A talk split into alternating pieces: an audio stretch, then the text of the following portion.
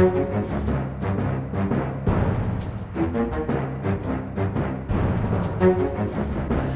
men da er vi i gang med ukens Aftenpodden. Vi er på plass, eh, riktignok en dag for sent, fordi det har skjedd så vanvittig mye denne uka. Ikke minst av praktiske ting som deler av podkasten har måttet forholde seg til. Jeg kan jo bare si at dette er av de ukene der det foregår helt vanvittig mye, og det er temaer i alle ender. Eh, men likevel så må vi starte litt med å høre status for, eh, for dagens eh, faste panel må vi kalle det, fra hjemmekontorene rundt omkring. Kjetil Alstheim, du har vel et relativt vanlig hjemmekontor? Ja, akkurat nå sitter jeg faktisk på hyttekontoret og sitter og ser ut på en svart-hvit fluesnapper som har nå okkupert den ene fuglekassa, men det ser ikke ut som han har fått seg dame ennå, men han sitter veldig og viser at han har kasse. Jeg liker at vi er sånn derre Vi er podkasten nå som er si, til lands og til vanns og i lufta med. Fordi eh, Altså, Sara, du kom deg bare så vidt inn i hjemmekontoret ditt nå i morges. Vi måtte utsette litt fordi du hadde klart å låse deg ute, var det så? Eh, ja.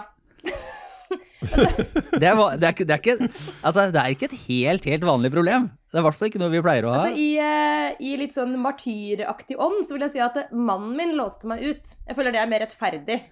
Jeg skulle bare ut og hente en aldri så liten dobbel latte før vi var i gang. Eh, Men, men så hadde jeg tatt med feil nøkler, da, ser du. Og så har jeg egentlig mista nøklene mine uten å merke det. Så de jeg hadde med, var noen andre nøkler. Men eh, den kjempesnille naboen min, han hadde funnet de nøklene for mange dager siden og sendt en mail til den der fellesmailen om, om at jeg har funnet et par nøkler som jeg ikke hadde sett.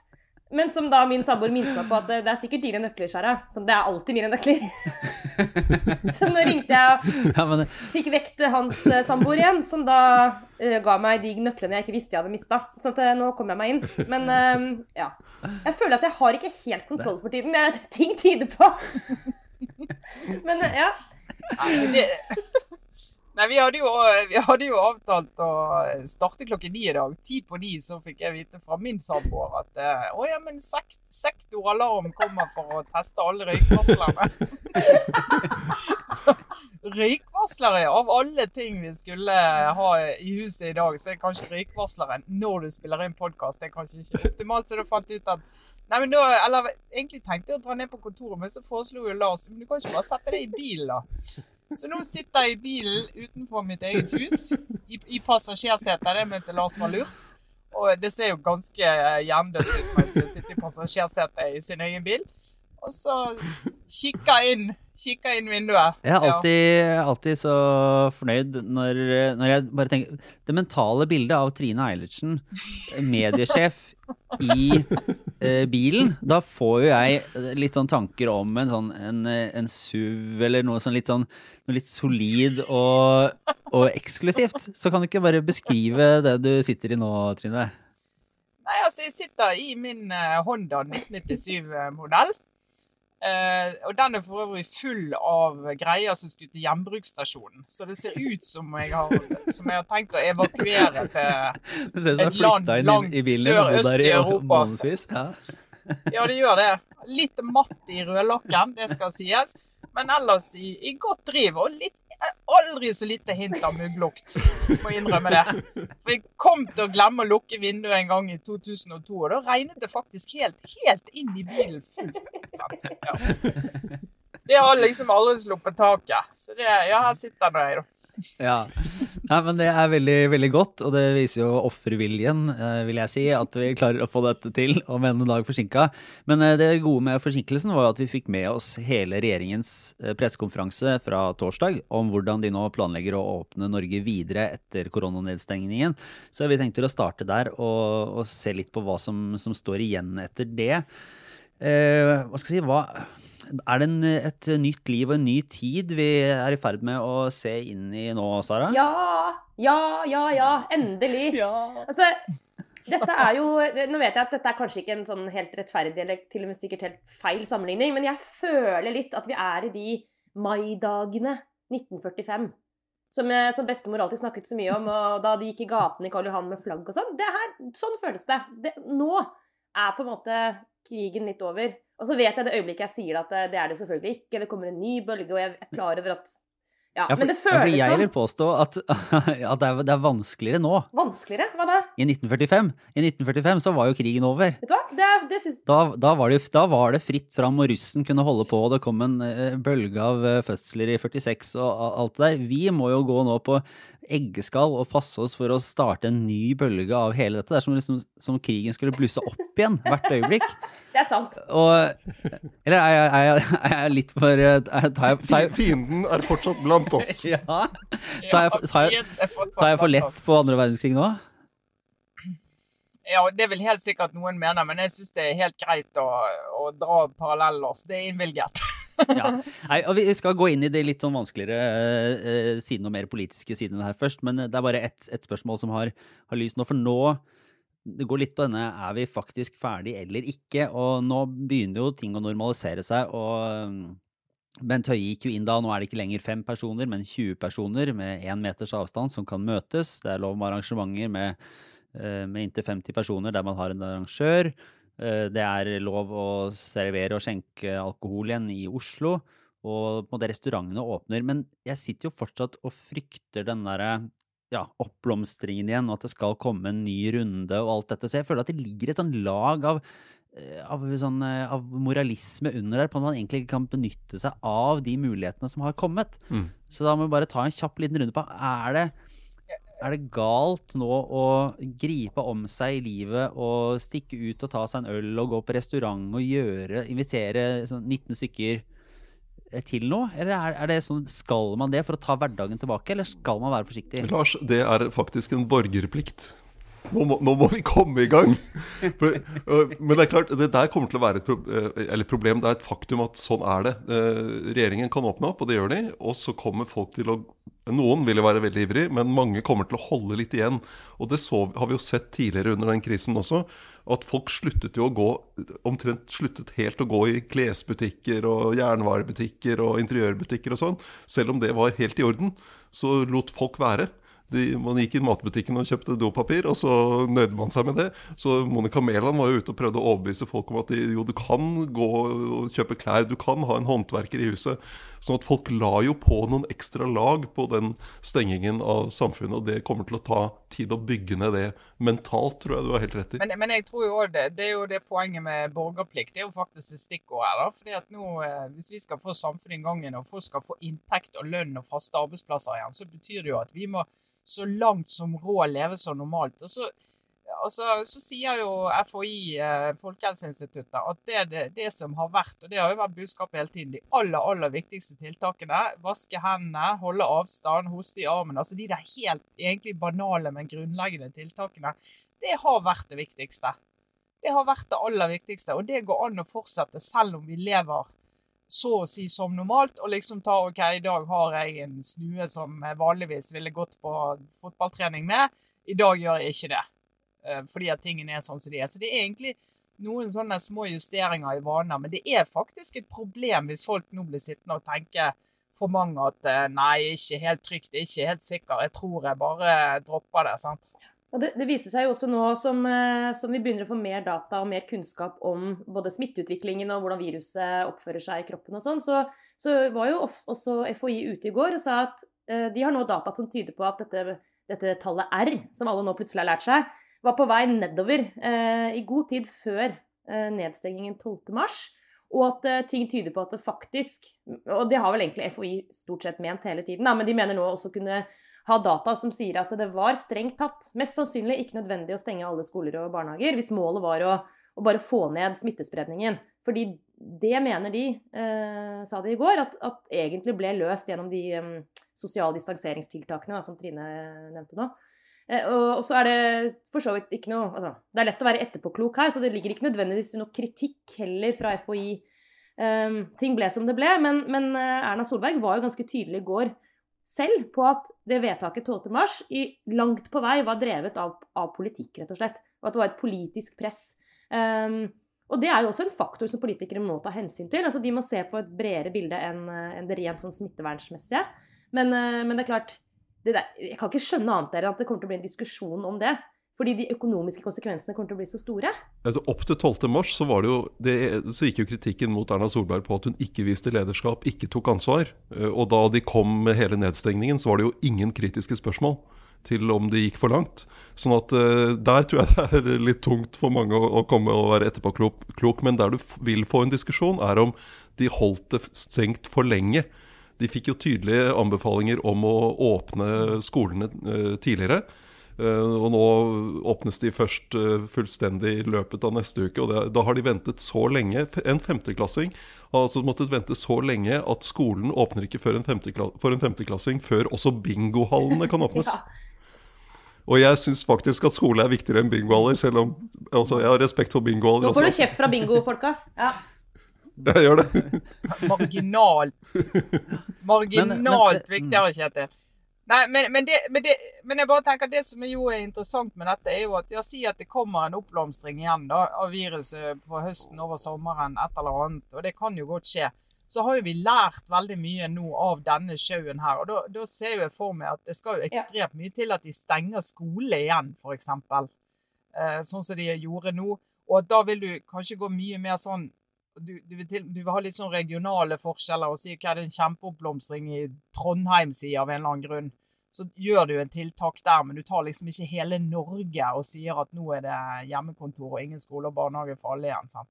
Men Kjetil, du skrev jo i en kommentar eh, i, i fredagens uh, avis uh, er det vel, at det på en måte var stengt antageligvis for, for, mye for lenge. Men i den kritikken, tenker du at, at det på en måte er, er det bare etterpåklokskap, eller tenker du at det, var beslutninger som på det tidspunktet det ble tatt, uh, kunne og burde vært gjort bedre og annerledes?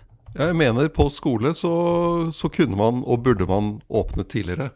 Uh, og, og, så kan du diskutere altså, Det, det syns jeg er det mest åpenbare, for der var det så har det vært så tydelig råd. Det vært, uh, og det har en så høy kostnad for uh, barn å ikke få gå på skolen. Én ting er opplæring, der har jo mange lærere strukket seg kjempelangt for å få det til. Foreldre har prøvd å få til hjemmeskole, men det er, du, det er, jo ikke det samme som at skolen er åpen, og du mister hele det sosiale. Og så var det nå Nå glapp det litt for meg hva de kalte det i går, men har gått fra en sånn slå ned-strategi til noe som man nå ikke vil kalle Ja, ikke sant, man ikke vil kalle det brems, men kaller det kontroll. Og i det så ligger det vel Jeg forstår det sånn at man gjør jo en, her en ny politisk avveining mellom eh, smittetall og i ytterste konsekvens dødstall og eh, gjenåpning av samfunnet. Nå innfinner man seg med at det kommer til å bli flere smitta, og det kommer til å fortsette å være dødsfall framover. Eh, fordi man vil ha samfunnet mer i gang. Er det ikke sånn? Det, jeg tror ikke man vil si det helt sånn eksplisitt rett ut. Men det er vel det som er Det er vel det eneste logiske ja, konsekvensen jo, av det man gjør? Eh, det er jo smitte, altså smittespredningen, Lars, som er selve grunn, altså grunnene, skal si, muren. Fordi eh, hadde ikke dette R-tallet gått ned, så, så, hadde man jo holdt på tiltakene. Så at selv om det sikkert har vært et veldig sterkt ønske om å åpne opp samfunnet, så har jeg ikke inntrykk av at det har vært driveren her. Det er ikke som at man har åpnet opp samfunnet på tross av smitten. Men nå er det jo i praksis nesten ingen smitte eh, løs i befolkningen. Og så har de jo da fått bedre rutiner og større kapasitet på testing og på smittesporing. Så hvis jeg forstår dette riktig, så er jo eh, tanken nå at hvis dette smittetallet øker på igjen, så skal man likevel klare å isolere smittede fort eh, og passe på at man liksom på den måten kontrollerer, da. At man eh, ikke får det frislippet. Ja, men hvis man trodde at uh, slå ned var sånn slå helt ned til null ja. til det ikke var noen igjen, så har man jo nå sagt at uh, det, det, kommer til å være noen syke, og det kommer antageligvis det er logisk at det kommer til å smitte mer eh, med, med åpna tiltak. De definerte jo 'slå ned' som å komme under én, og det, nå er det jo godt under én. Så jeg oppfatter ja, mer at det at de nå snakker om kontroll, er at vi er i en annen situasjon og har, har en annen kapasitet til å håndtere det. og da At vi får, kommer ikke tilbake, sånn som signalet var veldig tydelig, vi kommer ikke tilbake til der vi har vært, men det kan komme tiltak som er mer sånn målrettet hvis du får en oppblomstring et eller annet sted i samfunnet. Vi skal uh, se videre. Det er jo eh, politiske konsekvenser av dette her også. Vi hadde en uh, fersk partimåling den uka som var, som fortsatte egentlig litt sånn i, i trender som har vært. Høyre styrker seg. Arbeiderpartiet gikk vel ørlite tilbake i vår måling. Senterpartiet holder sånn nesten stand, i hvert fall, mens Frp går tilbake ikke. Eh, Du har skrevet en analyse, Kjetil, men hvis du skal bare kjapt oppsummere noen av punktene, hva du tenker er viktigst å ta med seg, og, og lærdommen man har av, av de tallene nå. Jeg synes det, det, det er veldig interessant å se på, eh, på Senterpartiet og Fremskrittspartiet. Det var jo Utfordringen fra Senterpartiet var en, en viktig grunn til at Fremskrittspartiet gikk ut av regjering. Eh, og så ser vi nå at Frp har ikke greid De rakk jo ikke å, å etablere seg tilbake i opposisjon før plutselig denne pandemien kommer inn og, og endrer, endrer alt. Uh, mens Senterpartiet flyter videre på det de allerede har bygd opp. Uh, så så det, det er veldig spennende å se hvordan det, hvordan det går videre. Og det, og det blir jo eh, altså Nå har vi jo sett noen spede forsøk i hvert fall på å få i gang en, en, det som er en viktig og nødvendig politisk debatt om gjenåpningen og nedstengingen og veien videre. Men det er jo hvor disse skal posisjonere seg utover høsten og våren når vi skal ha gjennomganger og rapporter og kommisjoner og alt, hvor Frp legger seg da eh, overfor regjeringen. For nå har de vært helt eh, klart på ren opposisjons side. Eh, Men om de skal fortsette å ligge der for å markere seg, og om de klarer å vise avstand på en måte som gjør at eh, de kan ta igjen litt av det som Senterpartiet har tatt fra dem. da. Det er, det er veldig vanskelig å se hvor de skal gå, men dette, dette er jo et landskap Det er vel ikke så lett å se for seg at de tar sånn kjempeeierskap til eh, sine tidligere posisjoner som justisminister, beredskapsminister og folkehelseminister. Ja, du kan jo se for deg hvis, hvis det blir åpen høring om hvordan beredskapen var før eh, pandemien kom, så blir det jo sju justisministre fra Frp og tre folkehelseministre fra Frp som må inn og svare. Så det er ikke noen god sak for dem i utgangspunktet. Det mener jo jeg at hadde jeg vært opposisjonspolitiker, så hadde jeg jo gjort alt jeg kunne for å få til den høringen. Blant annet på grunn av det. Men er det noen, er det noen sånn eh, stor gevinst for eh, de partiene på rød-grønn side ved å eh, klubbe Frp i hodet med dette her? Eller er det egentlig mer nødvendig å eh, peke på, på sjefen sjøl, på Erna Solberg og på Høyre? Altså Hvis du, hvis du liksom strategisk skulle sett på, eh, på de posisjonene, så, eh, så står jo Frp der og har De på en måte kan tas lett sånn settes i gapestokken eller gjøre litt sånn narr av at de jo har sittet med dette ansvaret og nå vil de kritisere. Men nå sitter de jo ikke tross alt med dette ansvaret, og de er ikke i regjering. Og eh, før valget i 2021 så, så er det ikke de som er en del av, av posisjonen. Da. Så det er kanskje større verdi i å peke på hvordan Erna Solberg har håndtert dette, eller, eller er liksom det å svekke Frp et nøkkelen i å, å få et ikke-borgerlig flertall? Du, du garanterer i hvert fall at det ikke blir et nytt borgerlig flertall hvis du klarer å holde Frp nede på de nivåene de er nå. Eh, sånn at Det jo, vil jo være viktig, men det er klart at det er jo Erna Solberg som er den de skal gå til valg for å bli kvitt i opposisjonen. Så de er jo nødt til å få, få frem hennes eh, svakheter og svakheter i beslutninger og beslutningsgrunnlag. Og, samtidig så det er jo en balanse eh, mellom å være etterpåklok på en måte som gjør at velgerne tenker nei, men kom igjen, da, du hadde ikke gjort noe bedre sjøl. Og å faktisk bygge det på innsikt og kunnskap som gjør at det er helt åpenbart at noen har, eh, har sviktet i forkant. Altså jo kommer til å bli en debatt. og det ja. uten, uten sammenligning sånn eh, veldig, altså, men, men se på det med beredskapsdiskusjonen. Det fikk jo ikke så store politiske konsekvenser eh, etter 22.07, juli, selv om det ble helt sånn påpekt helt reelt manglende og for dårlig beredskap i forkant av, av terrorhandlingen. Eh, så jeg bare jeg kan, liksom ikke forestille meg Dette er jo selvfølgelig helt umulig å si noe sikkert om, men, men at, at denne håndteringen skal liksom bli rammende for Erna Solberg, at hun skal en, gå på en smell nå fordi eh, om det skulle vise seg at vi ikke var så forberedt som vi burde være. og Sånn. Akkurat nå virker det litt sånn usannsynlig, for hun virker jo egentlig bare å ha styrket seg gjennom dette. Men eh, vi får se. Det kan jo, kan jo godt hende at det dukker opp f.eks. knytta til den beslutningen om å stenge ned. Eh, noen nye opplysninger som gjør at den beslutningen blir satt i et veldig dårlig lys. da. Altså, altså, det, jeg tror det er litt vanskelig å bedømme akkurat nå. Også litt, hvis du ser ett år frem, da det begynner å nærme seg valget, så er det hva er det, hva er det da som kommer til å dominere uh, nyhetsbildet? Hva er det som er uh, Hvordan er økonomien da? Det kan godt tenkes at vi står i en, en ledighetskrise fortsatt, og der det, er, det er det som er viktig, å få håndtert den, ikke den krangelen om hvem som gjorde hva eh, med ansiktsmasker og, og den slags i 2019. ja, ja.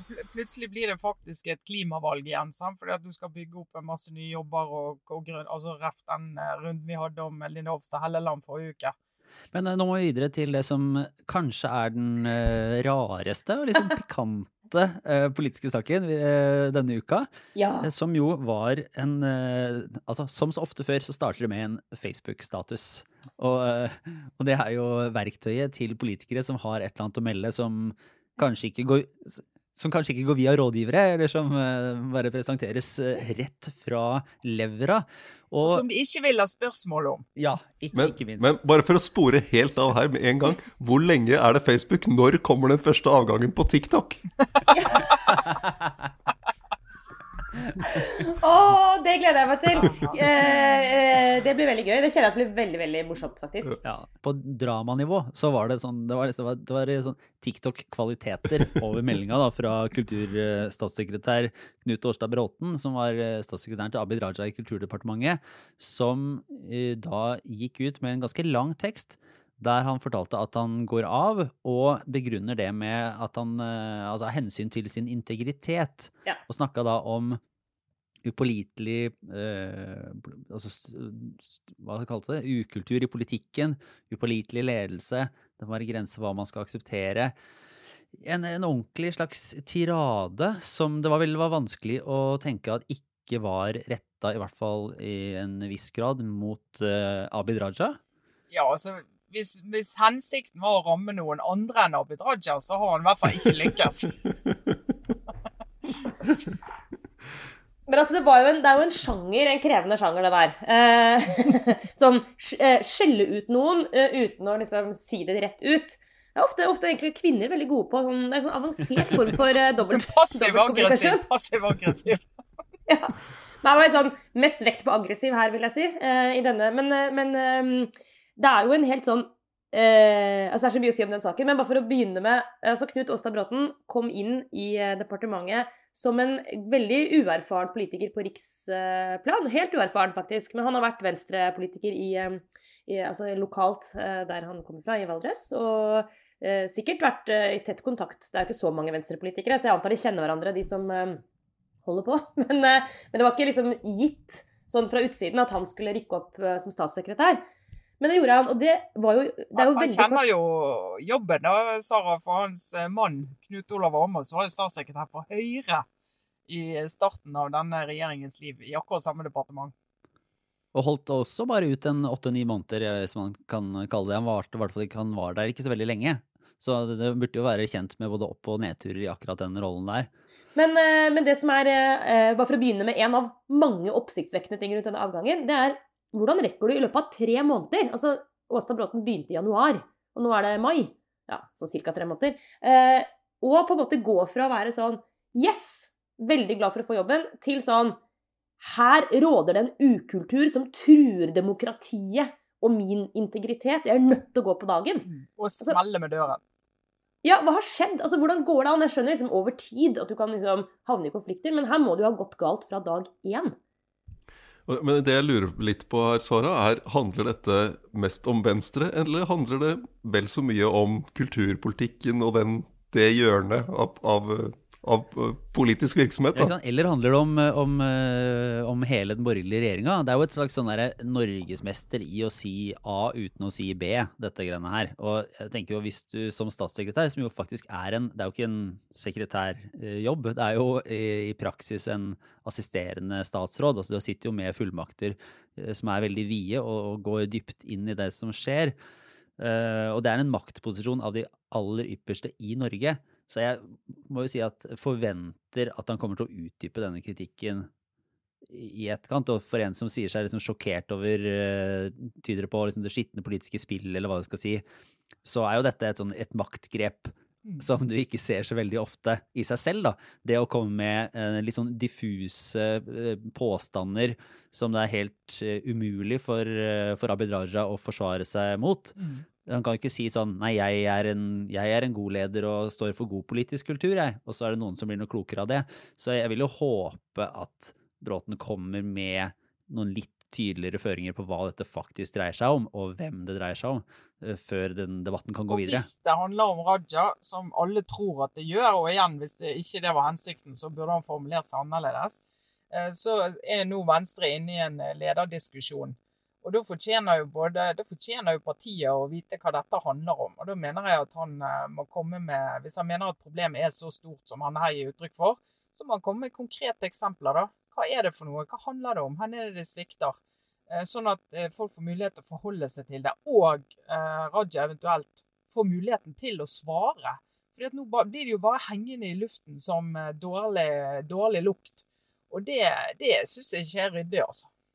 Og så er det jo til spørsmålet ditt, Kjetil, så, så um, Nå må jeg bare spekulere, for jeg kjenner, vet ikke hva som har foregått på innsiden her. Men sånn, min erfaring fra tidligere er at eh, byråkratiet i Kulturdepartementet det, det kan kanskje være litt sånn fastlåst. Jeg tror ikke de ikke, jeg tror ikke det liksom har vært veldig store utskiftninger og veldig mye nytenkning, muligens. Uh, men det er ansett for å være veldig sånn ryddig. Altså, som jeg var inne på i stad, så er det vanskelig kanskje å få til endringer fordi regelverket og ordningene på kulturfeltet er så sementerte.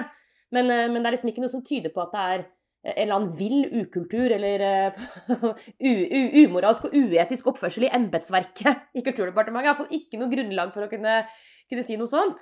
Um, og så har det jo selvfølgelig vært en utrolig krevende tid nå, uh, også i Kulturdepartementet, pga. sektoren uh, sin situasjon. Uh, så de har jobba med krisepakker og sånn. Så at det har vært slitsomt, det er jeg jo helt sikker på. Er for alle. Men, men det er jo ikke det han legger frem, eh, Åsta Bråten, i sin tekst. At ja, det har vært så krevende, jeg har blitt, blitt litt sliten. Jeg har gått på en smell. Det er jo ikke det. Ja, ikke sant? Jeg gikk på en lett vegg. Det er ikke, det er ikke en sånn type kommentar. Så det er veldig vanskelig å lese dette som noe annet enn at dette handler om personlige motsetninger mellom han og sjefen. Det er det som blir stående igjen. Så jeg er enig med deg, Trine. Om det ikke skulle være det, så da må du gå og forklare deg. Fordi sånn som det står nå, så er det, en, det er et karakterdrap på Abid Raja som leder og som politiker. Det er rett og slett. Og det er jo helt drøyt med tanke på også at han står i den lederdiskusjonen. Så ja. Så det må være et skudd for baugen ja. for ham. Så er det jo fascinerende. Det er jo, eh, altså Abid Raja eh, har det jo ikke sånn superlett om dagen eh, i utgangspunktet. Han har fått mye kritikk i forbindelse med, med både manglende krisetiltak for kulturen, som, som, eller tiltak som sies ikke har gått langt nok, og denne debatten om oppstarten av fotballen og idretten og i det hele tatt. Og det som kanskje starta som en sånn eh, entusiastisk gladrunde med å reise rundt og dele ut penger, som en kulturminister ofte gjør, er jo Det er fortsatt å dele ut penger, men det, det monner jo ikke.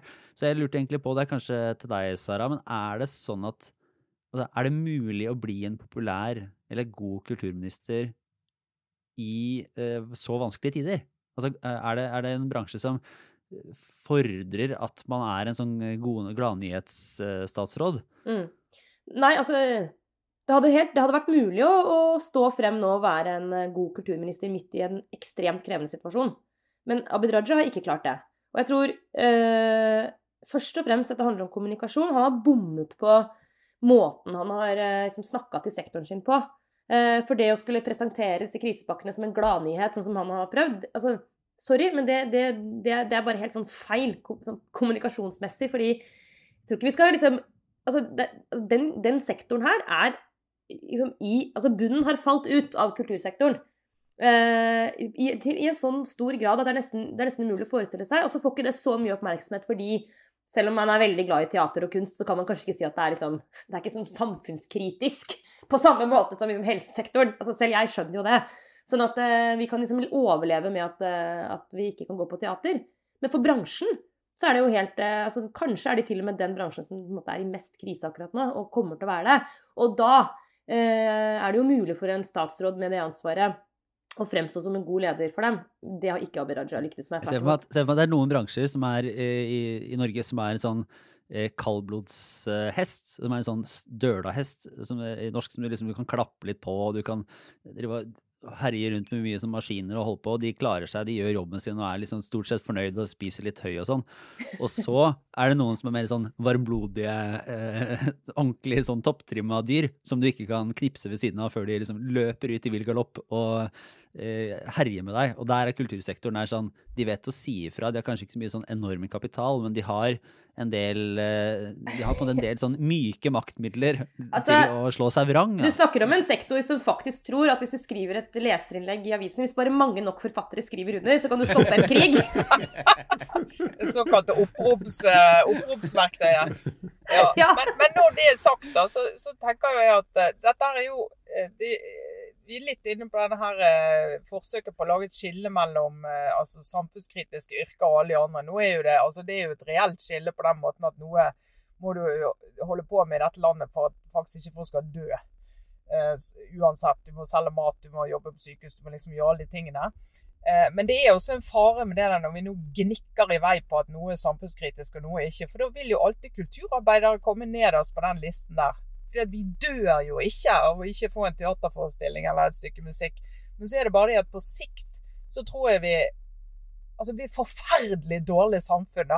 Og det gjelder jo veldig mange andre typer yrker og funksjoner og sektorer. at liksom det er jo nettopp samspillet mellom disse som er så viktig. Og der mener jeg jo kulturministeren kunne jo faktisk ha brukt ganske mye energi på å, å snakke om det. Snakke om hvorfor de er så viktige, og hvorfor de jobber så hardt. Og si at OK, vi vet at dette løser ikke alt, men her har dere i hvert fall noe. Istedenfor som han, han har gjort litt sånn her kommer jeg med en gave til dere. og litt sånn når han åpnet fotball i går, det var som om det var hans personlige gave til idretten. Og det er liksom når de da sitter og bare er kjempefrustrert Og jeg tror en del av de kjenner på at vi kan ikke klage for mye. Vi, trå, vi står tross alt ikke i førstelinjene og prøver å redde liv. Det tror jeg en del av de kjenner på. Eh, Så, så får de ikke noe drahjelp av han, da. Og det kunne han brukt denne muligheten til å gi dem. Vi skal se, han har jo faktisk fått til å dele ut én liten gavepakke, som jo er et, eh, en paradoksal gavepakke. For det handler om at man egentlig reverserer det som var Trine Skei Grande, altså forgjengerens eh, hjertebarn i organiseringen av norsk kulturliv. Kan man kalle det det? Ja, det kan man si. Regionaliseringen av eh, kulturlivet. Ja, ikke sant. For det er Venstre som regionreformens eh, eneste halvlunkne forsvarer. Eh, er jo da ville gjøre det sånn at eh, de nye regionene skulle få mer ansvar for fordelingen av penger til kulturinstitusjoner og kultur i sitt område. Så hvis jeg har forstått det riktig, så var det en, en nøkkel som har vært eh, Altså der staten har gitt altså stått for 70 av finansieringa og fylkeskommunen for 30 så ville man reversere, altså ville, ville man snu det, sånn at eh, fylkeskommunen skulle dele ut mest. Men det skal man altså ikke gjøre likevel. Så man tar kulturdelen ut av regionreformen og fortsetter med mer statlig finansiering. Som eh, Ja, hvor skal man begynne, Trine? Nei, hvor skal man begynne? Det, det her er jo en av de der mange paradoksene i Norge. For du har en haug med kommuner og fylkeskommuner som ah, snakker om på inn- og utpust om at de har for få oppgaver og for lite midler, og det er for sentralstyrt i Norge. Eh, og så prøver man eh, å, å si da Venstre har sagt at OK, da får dere dette. Eh, Men da får jo alle institusjoner der ute helt hjerteklapp. For de vet jo det at fylker og kommuner de har jo ikke et oljefond de kan drive og fylle på fra det i budsjettene når det blir vanskelig. Så da vil jo fort eh, pengene til Den nasjonale scenen eller Trøndelag Teater vil jo plutselig forsvinne til eh, videregående skoler eller et eller annet annet som er viktig fra fylket. Eh, Så de er redd for å komme inn i den prioriteringsdiskusjonen. Og alle kulturinstitusjoner i Norge vet, og det er på en måte the holy grail for en kulturinstitusjon i Norge, det er å komme på statsbudsjettet, for da kommer du aldri ut igjen. Da, da er du inne. Da er du der inne, liksom. Da kan du få en eller annen diskusjon om at ja, vi fikk ikke investeringsmidler til den eh, oppussingsprosjektet. Vi håper vi får det til neste år, men du får ikke noen sånne dramatiske kutt, liksom, hvor du må kutte masse stillinger et år fordi at du må prioritere. fordi at i statsbudsjettet prioriterer du ikke på den måten i Norge. Så da, da kan du si at altså, det er jo en, en flopp for eh, regionreformen, også, men det, det er jo Som et ellers, som ellers er så vellykket. Som ellers er så vellykket. som ellers er helt perfekt gjennomført. Men det er jo også et nederlag for alle som eh, bruker, som snakker om at eh, man skal desentralisere makt og, og eh, satse på lokalpolitikken. Men jeg tror noe av problemet her er jo at eh, både med kommunereformen og regionreformen er at regjeringen har oversolgt det at de skal gjøre disse endringene for å overføre oppgaver. Ja. For det Utgangspunktet her var jo at du skulle få større kommuner og nye regioner for at de skulle klare å gjøre de oppgavene de allerede har. Ja. Ja. Og så var jo det sant? Ja, det var jo, det var jo for å få Venstre og KrF med. De hadde ikke fått de med hvis ikke de kunne si i tillegg skal vi overføre mer makt og myndighet og budsjettmidler. Og så viser det seg at dette byggverket, om vi kan kalle det det, det henger ikke sammen. da, Og nå liksom rakner det måned for måned. Så det blir artig å se hva som er igjen av regionreformen etter ja, si om tre år.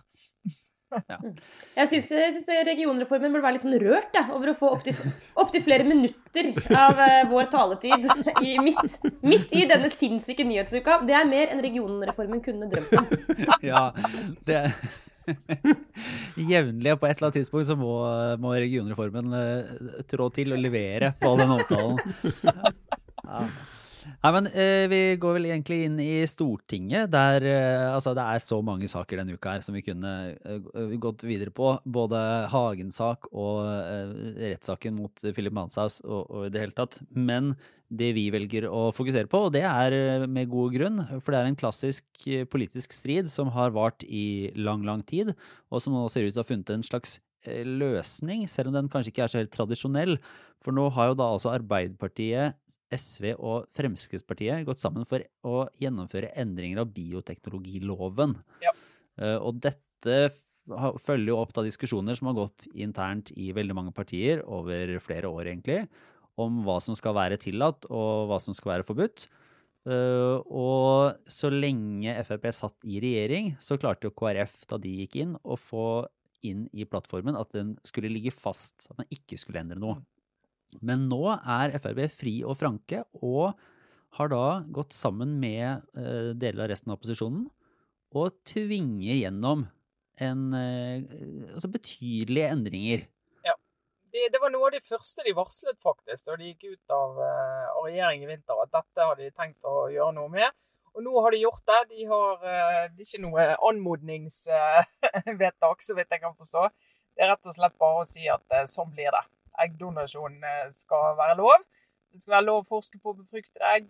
Det skal være lov å få tidlig ultralyd. Eh, det skal være lov å få assistert befruktning for enslige. Og så er det denne NIP-testen som eh, har vært diskutert, som nå blir, eh, blir, lov.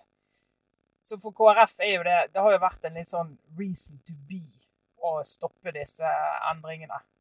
Og det var jo også, som vi husker, en stor diskusjon da de skulle inn i regjering, og hva grad de kunne klare å stoppe denne utviklingen. Og nå er det Det har de ikke klart. Men Kjetil, hva syns du om måten Stortinget har jobbet på, da? Måten de har gjort det på? Det, det, å bare vedta det på Stortinget uten at du har lagt frem et forslag, sendt det på høring, det, det, har jo noen uheldige sider. For du får jo ikke da testet det ut og, og, og, sjekket med ulike miljøer som kan se på hvordan teksten faktisk er, og få inn de innspillene som en sånn åpen prosess uh, gir. Så det er jo en type stortingsregjereri som, uh, som er ganske problematisk. Mm. Fordi i utgangspunktet så ville uh, de partiene på Stortinget, det de kunne gjort, da, det var å ha sagt at vi kommer til å danne flertall for endringer i bioteknologiloven. Vi gir regjeringen i oppdrag å komme tilbake med et forslag til en lov som inneholder eh, A, B, C, D. Mm.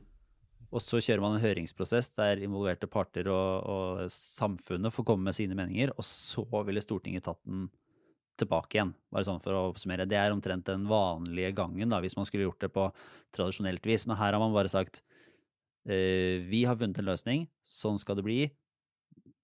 Bank, bank igjennom. Mm.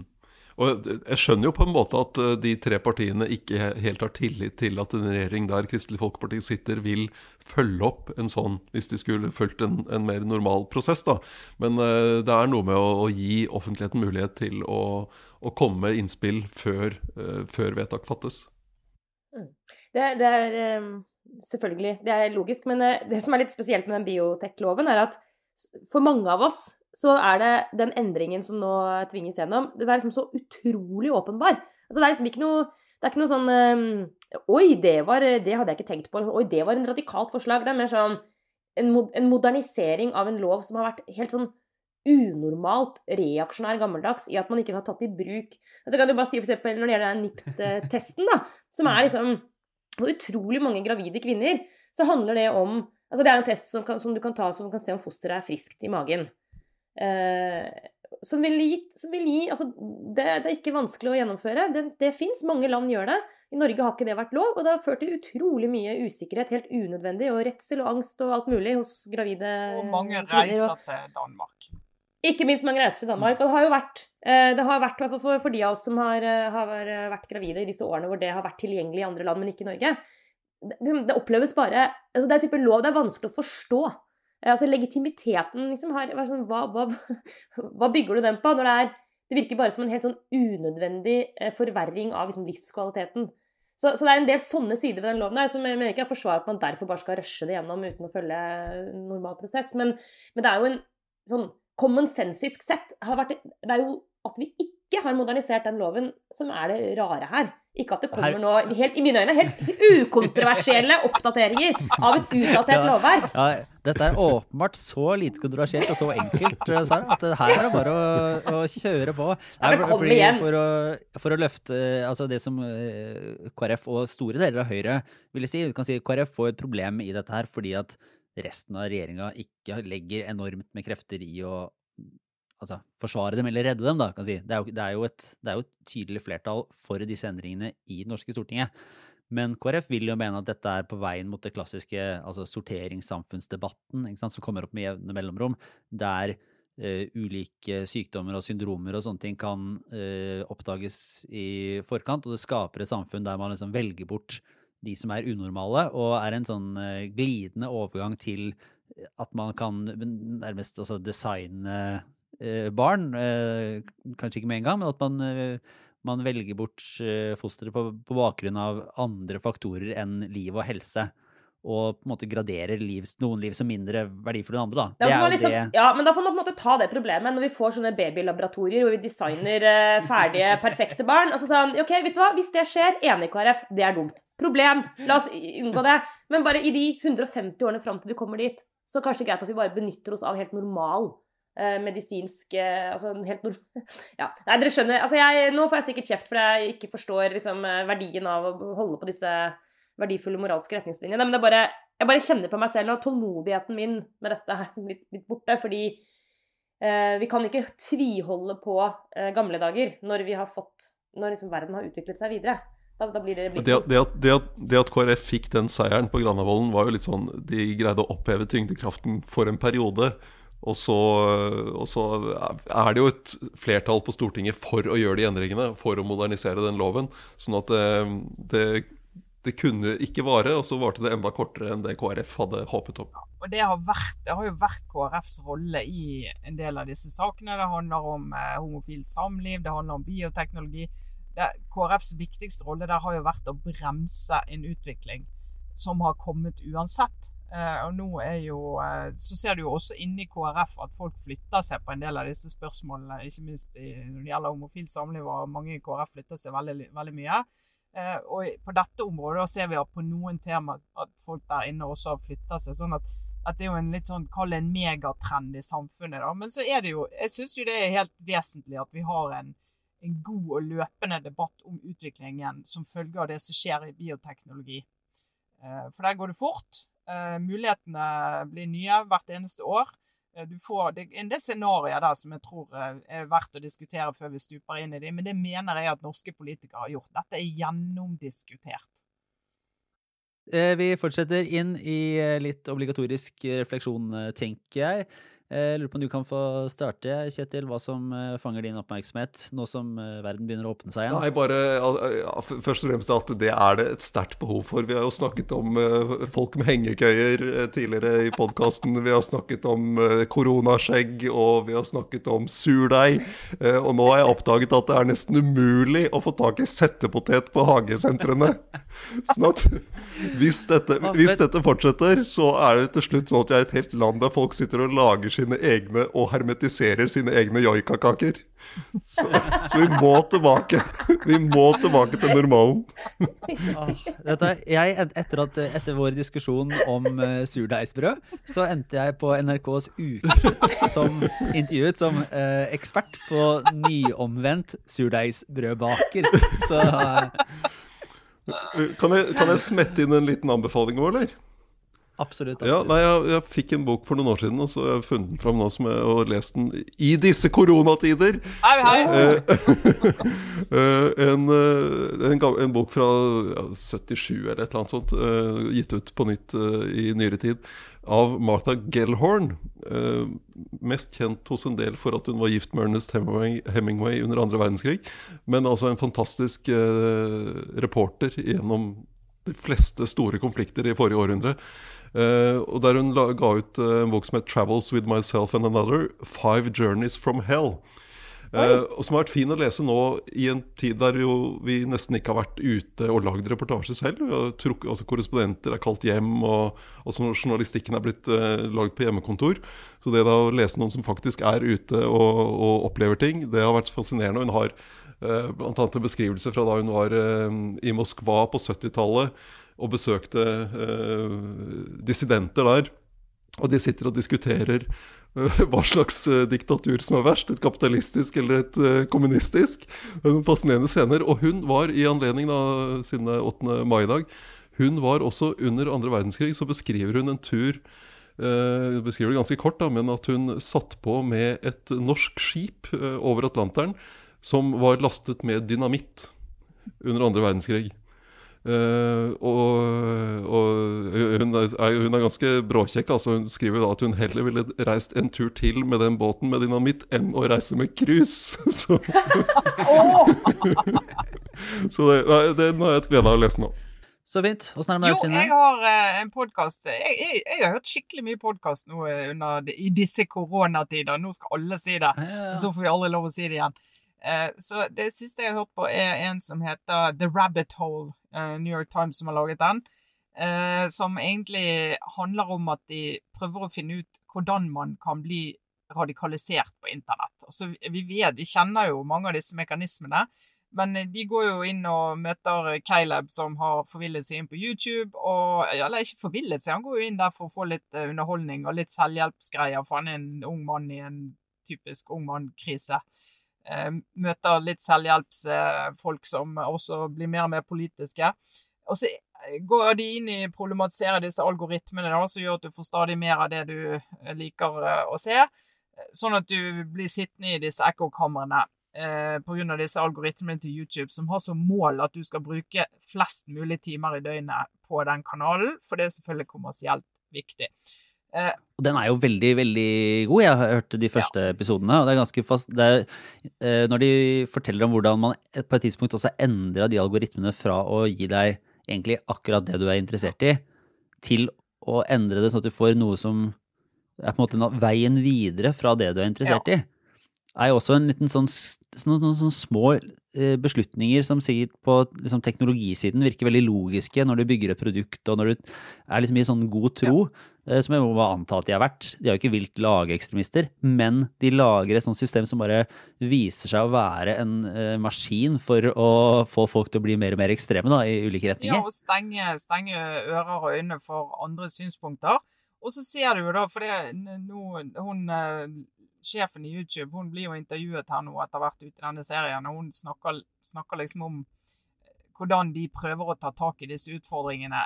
Litt sånn prøvende. De har jo begynt, sant? for de ser jo det. At de kan ikke komme unna at de har et visst ansvar. Så nå har de jo begynt å liksom gå inn og prøve å, å styre dette litt, og møter jo en annen type kritikk, for de har jo sluppet løs et monster. Eh, dette er jo viktige kanaler for eh, konspirasjoner, for eh, propaganda, for rasisme, for nynazisme, hva det skulle være. Men han her personen er jo så interessant, for han starter jo nede i det ene hjørnet, og så forsvinner han helt ned i den andre grøften. Og kommer seg aldri ut av dette universet. Så nei, det er verdt å høre, altså. Jeg har jo en niåring som kom her i går og forgårs og spurte mamma, kan jeg få se på YouTube, for det gjør jo disse barna. Og da bare kom det ut av meg nei. Plutselig sitter han på Infowars ja, ja. og, siterer Alex Jones. Det er kanskje ikke det han tenker på, men da var jeg så inni dette her at nei, det kan du ikke, for du kommer til å bli gal, radikal uh, nynazist. Uh, men det kan jeg ikke helt uh, Jeg kan ikke gå der, for jeg vet jo at dette er en viktig kanal for alle disse barna. Men, men de, må, de kan bare ikke holde på med det der hele tiden. De blir helt ko-ko i nøtten av det. Ja, ja, da jeg innser, jeg innser Plutselig kommer Greta Thunberg der, vet du. Ja. det er som Jordan Peterson-varianten på YouTube Kids. Det er Greta Thunberg. Med, ja. Ja. Det, det, YouTube Kids har også for øvrig eh, virkelig innført eh, Altså, mine barn i løpet av i disse koronatider har utviklet en helt egen stemme som de bruker på Siri. Ja. Eh, og det er en egen type irritasjon i stemmen til fireåringen eh, når Siri ikke finner eh, Super Mario Odyssey på YouTube Kids. som jeg også kjenner at det går litt kaldt nedover ryggen min. Altså, eh, jeg vet ikke helt hvorfor, men jeg føler det er et eller annet som er galt i relasjonen mellom min sønn og Siri. Men kanskje problemet er at det er en relasjon. Ja. Siri er sånn au pairen hjemme hos dere.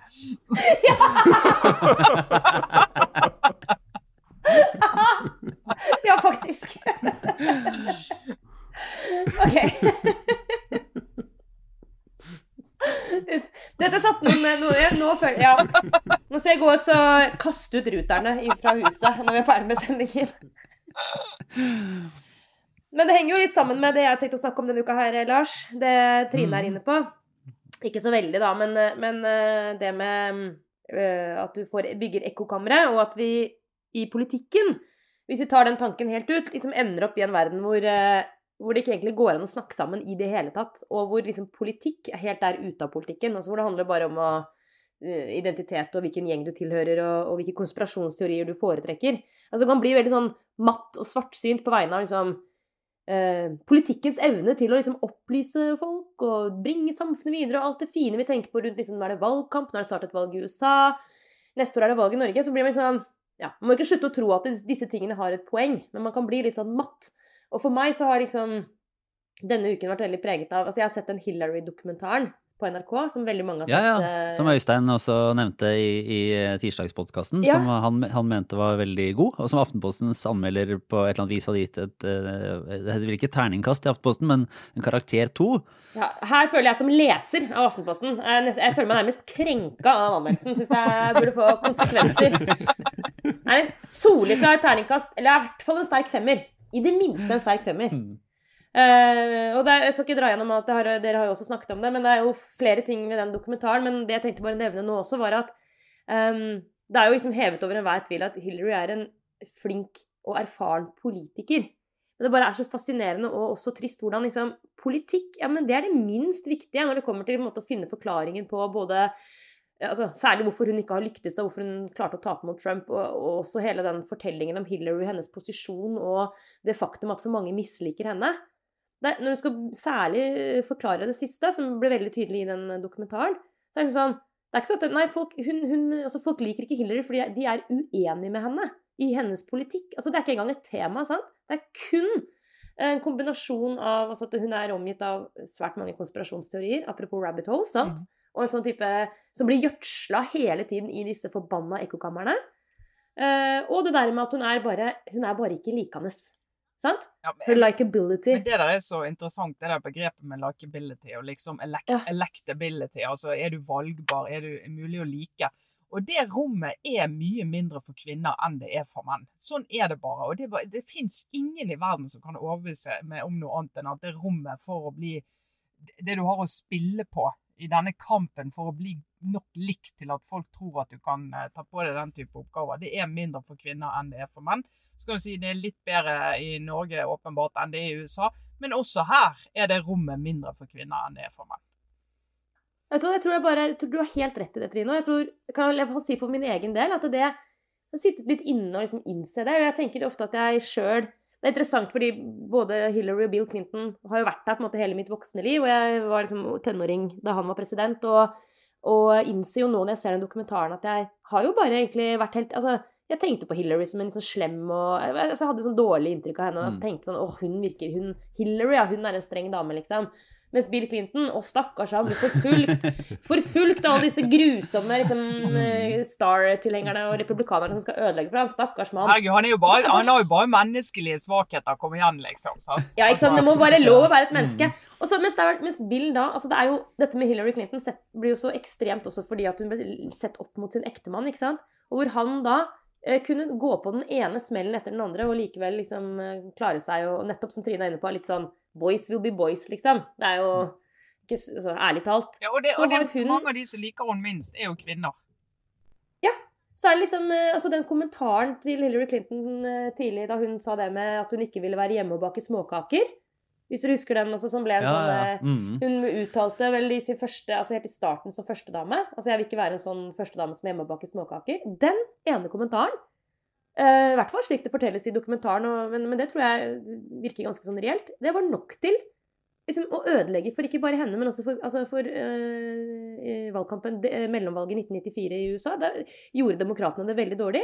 Og da, mye av forklaringen der er at liksom, nei, det var Hillary sin feil. Og den derre cookie-kommentaren gjorde at hun ble helt umulig eh, for liksom svært mange kvinner. Altså, det blir umulig for dem å stemme Demokratene fordi noen har sagt noe sånt. Tenk på det, dere. Altså, det er helt vilt. Et lite, sånn, eh, lite apropos der kan det være den eh, som jeg ikke har rukket å se nå, men den eh, serien den Mrs. America, som jo tar Ja. opp en del av den amerikanske på en måte antifeministiske kvinnebølgen, som var den gjengen da som ble veldig provosert av en sånn alle antydninger om at det å bake kaker eller det å være hjemme eller det å leve på liksom det som var klassisk kvinnevis tradisjonelt i USA, var mindre verdt enn å uh, leve på, på en måte mannevis, da, der Hillary Clinton ble et symbol på de som vil gjøre kvinner til menn. Og måte, snakker hun ned kvinner og hele den ja, liksom, eh, rekylen som kom da, i, i den cookie-kommentaren, som er litt eh, rar. Men jeg må si, altså jeg har jo også sett den, og det som viktig står igjen for meg, det er bare nok en påminnelse om hva det kostet de som gikk først. Eh, De som gjorde at sånne som jeg og Sara kan få lov til å jobbe med det vi gjør, Være med i den podkasten her.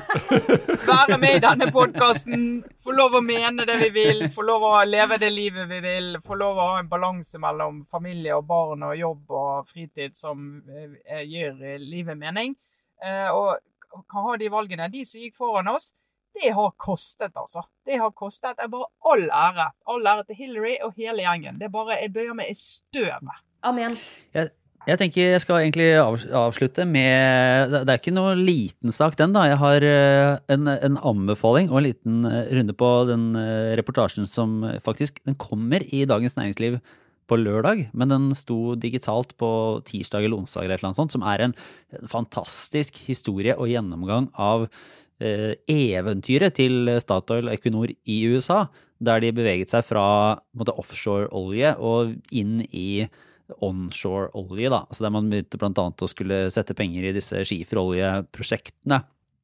Og eh, DN dokumenterer eh, ved hjelp av eh, en haug med gode dokumenter og intervjuer med de som var interne revisorer, det som framstår som en ganske sånn ellevill nybyggerkultur i USA, der Equinor skulle være sånn partyselskapet, virker det som, og der interne måte, kostnadskontrollen var svært, svært svak. Det er jo også erkjent i etterkant, men eh, det regnes vel fram til at de har tapt 200 milliarder på eh, investeringene sine i USA. Og eh, det bildet som tegnes i eh, Dagens Næringslivs eh, veldig veldig gode reportasje, er jo at det var til tider svært, svært kaotisk og eh, merkverdig Det var litt sånn herre harry norsk charterturismestemning framstår det på de her lederne som reiste over og kjøpte seg eh, Mustanger og biler og eh, bodde her og der og skulle, skulle vise hvordan det gikk an å både være varm og raus og effektiv. Og de klarte vel knapt nok noen av delene, selv om de var jo, de, de var jo reise nok med, med pengene sine, da, men de hadde jo De forteller om regninger og penger som ikke ble innkrevd på liksom i, i sånn hundremillionersklassen. Det er så elleville tall, da. Har dere, fått, har dere lest den? Har dere, har dere gjort opp noen Nei, altså jeg, Det jeg kan eh, si, da, det var jo eh, at eh, jeg jobbet jo i Statoil eh, i, på slutten av 90-tallet. Og da var, bodde jeg i Houston i Texas og var med på å legge ned kontoret der, for da ga Statoil opp. Eh, leting i Mexicogolfen fikk det ikke til, hadde boret mange tørre brønner, pengene rant ut i feil retning. Eh, Og fant ut at det her, det her går ikke, vi får bare la det være. Men da, da husker du det var en sånn samtale om hva, hva lærte vi, hva skal vi gjøre annerledes neste gang? Og det var litt sånn, Bør vi tenke annerledes rundt allianser? Bør vi liksom Det blir jo gjort mange, mange feil den gangen, men eh, denne saken her vitner jo om at kanskje hva skal jeg si, lærings- og evalueringskulturen ikke har vært eh, helt der han skulle være, da, for å si det diplomatisk. Så, og tror jeg For statens del altså, blir det et spørsmål om hvordan har departementet som eier eh, fulgt opp eh, den satsingen i USA.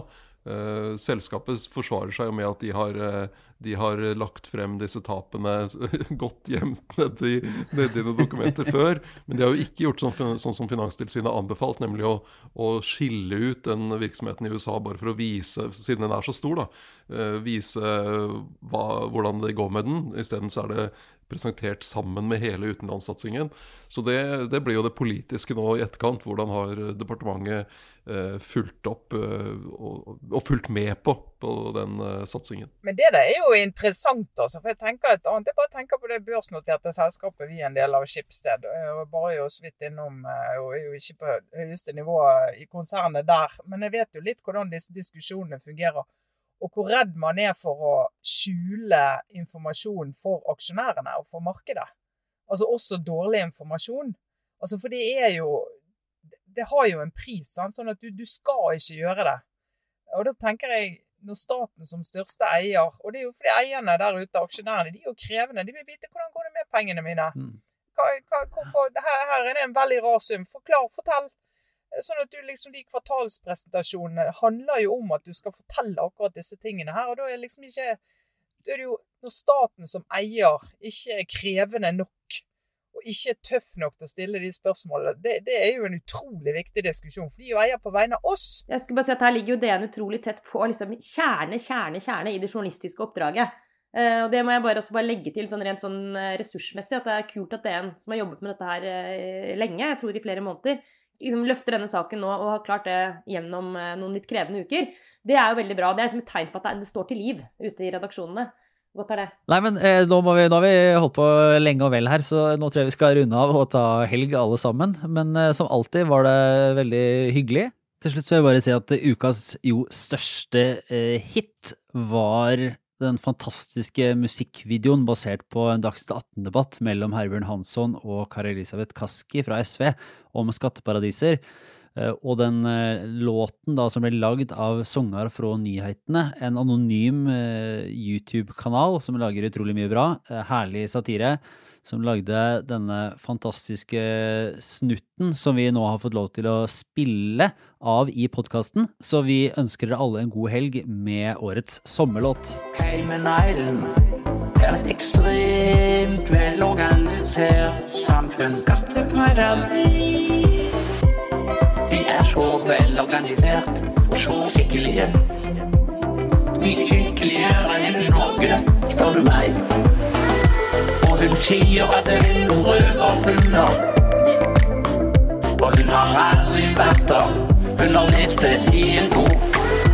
Og hun sier at det er noen røverhunder. Cayman Islands. Nei, jeg har aldri vært der.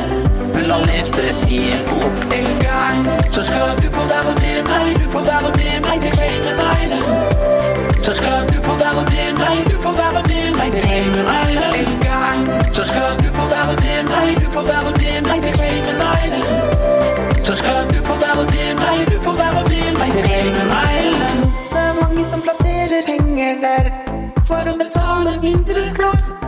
Nei, det kjenner ikke jeg til, og så har jeg vært der i 40 år. Cayman Island, skatteparadis med skatt for å skjule penger. Notorisk trakassering, du har ikke greie på det du snakker om. Jersey, Monaco, Cayman Island, Bermuda. Og hun har aldri vært der. Hun har lest det i en bok. Og hun sier at det er noen røverhunder. Cayman Islands. Nei, jeg har aldri vært der. Hun har lest det i en bok. At du ikke liker Cayman Island, får så være. En gang så skal du få være med meg. Du får være med meg til Cayman Island. Så skal du få være med meg. Du får være med meg hele veien i gang. Så skal du få være med meg, du får være med meg til Cayman Island. Så skal du få være med meg, du får være med meg til Cayman Island.